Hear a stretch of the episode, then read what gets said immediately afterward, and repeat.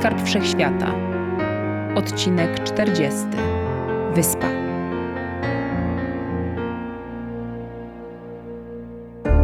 W szoku nie pamiętała, co się przed chwilą stało.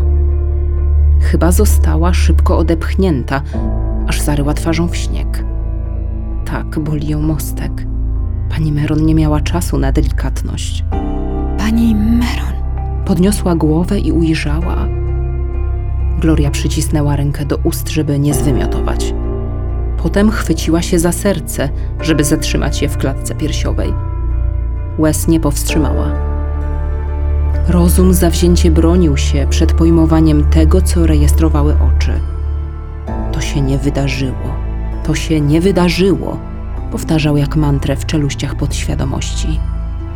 Ale ten widok był jak najbardziej prawdziwy.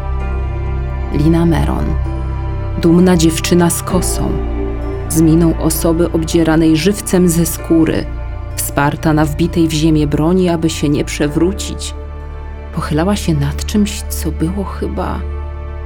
Gloria zacisnęła powieki, ale ten obraz wdarł się pod nie dzięki, o jakże w takich sytuacjach niewdzięcznej, pamięci. Lina pochylała się nad resztkami zwęglonych szczątek swojej matki. Milion myśli naraz przegalopowało przez głowę Schneider. Podziękowała losowi, że jej samej nie było dane patrzeć na śmierć i zwłoki rodzicielki. Za to, że żyje. Że znowu miała cholerne szczęście.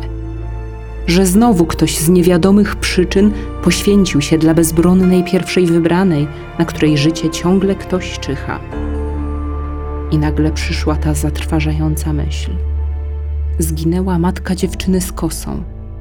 Ale to przecież nie ona miała zginąć, To powinnam być ja. boleśnie uświadomiła sobie Gloria. Tak bardzo chciała przeprosić Linę, ba, ukorzyć się i błagać o przebaczenie, które jej się nie należało. To powinnam być ja.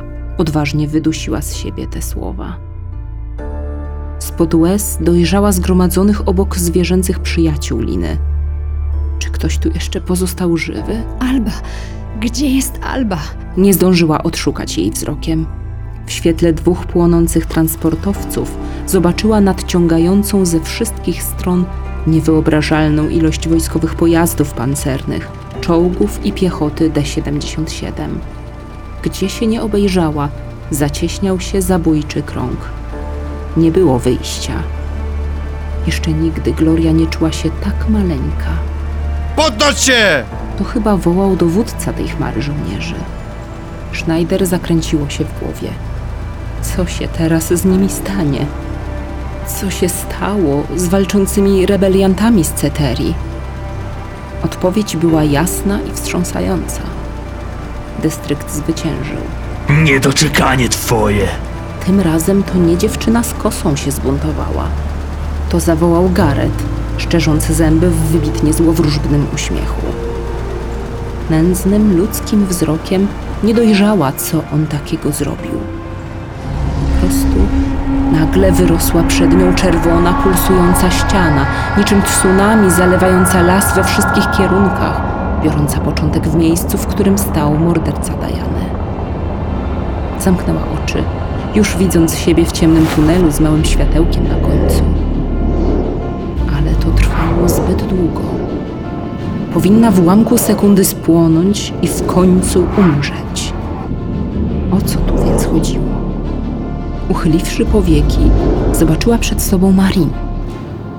Kobieta o mleczno-białej cerze, odziana wciąż w tę samą czarną suknię, z wyciągniętymi w górę ramionami, stanęła na środku pomiędzy księżniczką, pierwszą wybraną i trójką zwierząt. Bańka z przedziwnej, półprzezroczystej poświaty rozchodziła się od jej dłoni na około ochranianych stworzeń, z których żadne nie pojmowało tego zjawiska. Ostatnia strażniczka skarbu wszechświata ujawniała swoją prawdziwą odporność i siłę, a także jedną ze zdolności swego nowego ciała. Wytworzona przez nią magiczna kopuła przyjęła na siebie nieogarnioną moc ataku Abhora. Poza tym pęcherzem płonęło, topiło się bądź od razu wyparowywało całe istnienie. Przez kilka sekund świat na zewnątrz trząsł się, pękał i zapadał, by w końcu zniknąć. Dlatego Marin nie mogła pozwolić sobie na chwilę wytchnienia. W dalszym ciągu osłaniała dziewczyny i zwierzęta, ale słabła w oczach. Palce jej dłoni zbladły i rozmyły się tak jak jej stopy. Powoli rozpływały się alabastrowe przedramiona, idealnie wyprofilowane łydki, długie białe włosy. Bariera mogła w każdej chwili pęknąć. Marin nie miała już czasu. Potrzebowała pomocy. Nieważne, że aby skutecznie o nią poprosić, musiała odezwać się w swoim ojczystym, nieznanym linie i glorii języku. Tracho! Ogień! Nie rozumiem. Ike, zdezorientowany tym, co działo się z ostatnią strażniczką, w zwolnionym tempie pojął jej wypowiedź. Popatrz mnie ogniem! Ja potrzebuję energii! Inaczej zginiemy! Szybko! Rób co mówi! Czarne, szerokie pasy na barkach i biodrach Ajka rozbłysły na czerwono, podobnie jak ciemnogranatowe rożki na jego głowie.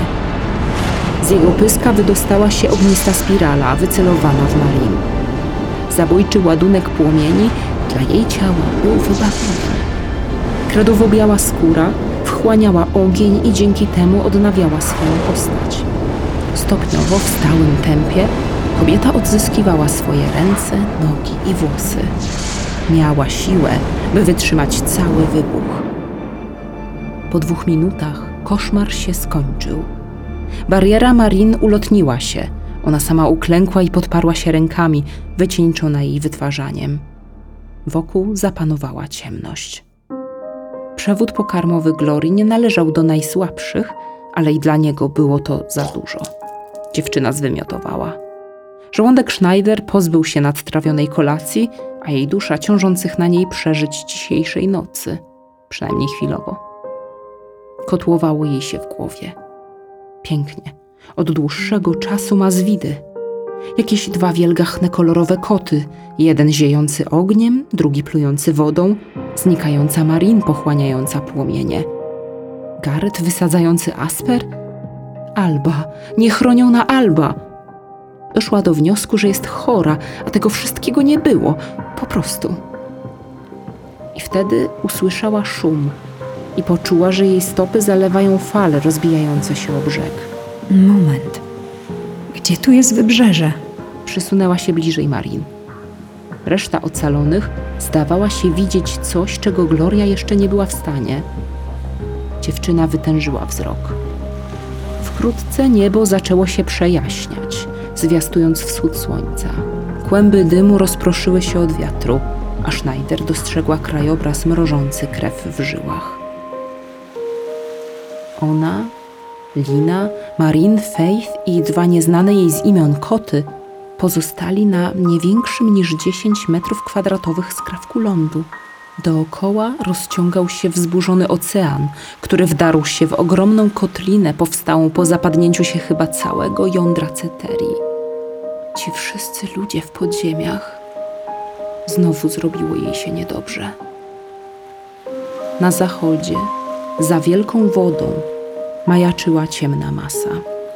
Uszczuplona o spory kawałek wyspa Asper, mieszcząca dystrykt 77, który, jeśli ucierpiał, to zapewne w niewielkim stopniu. To zamieszkana część Ceterii przestała istnieć. I zrobił to Gareth.